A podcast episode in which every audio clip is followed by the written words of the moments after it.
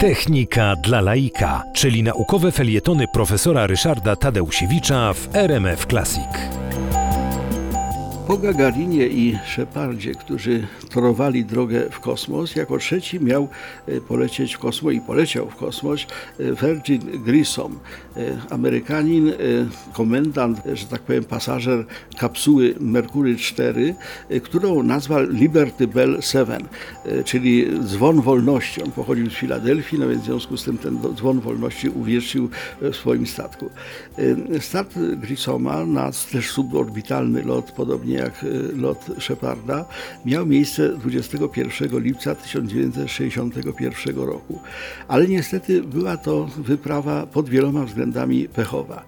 Y, po pierwsze, y, no, był to lot, lot suborbitalny i co więcej, Grissom bardzo przeżywał to, że nie jest pierwszym Amerykaninem w kosmosie, tylko tym drugim, no i w związku z tym był frustratem. W momencie, kiedy jego statek opadł do Atlantyku i miał zostać wyłowiony przez wysłany w tym celu specjalnie lotniskowiec w odległości 487 km od miejsca startu. Włas, który zamykał kabinę, no, z jakiegoś powodu odpadł.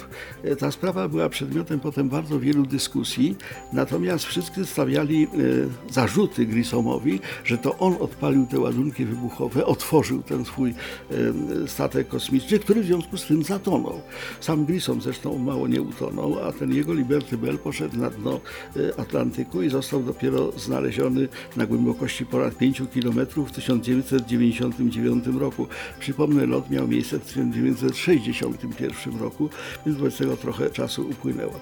Wobec tego Grissom stał się no, celem rozmaitego rodzaju zarzutów. On się tam e, bronił zaciekle, że, że absolutnie to jakaś awaria musiała być, że ten głaz to nie on, no ale jednak wszyscy mi mieli za zły, więc ja, zamiast być bohaterem był w pewnym sensie antybohaterem.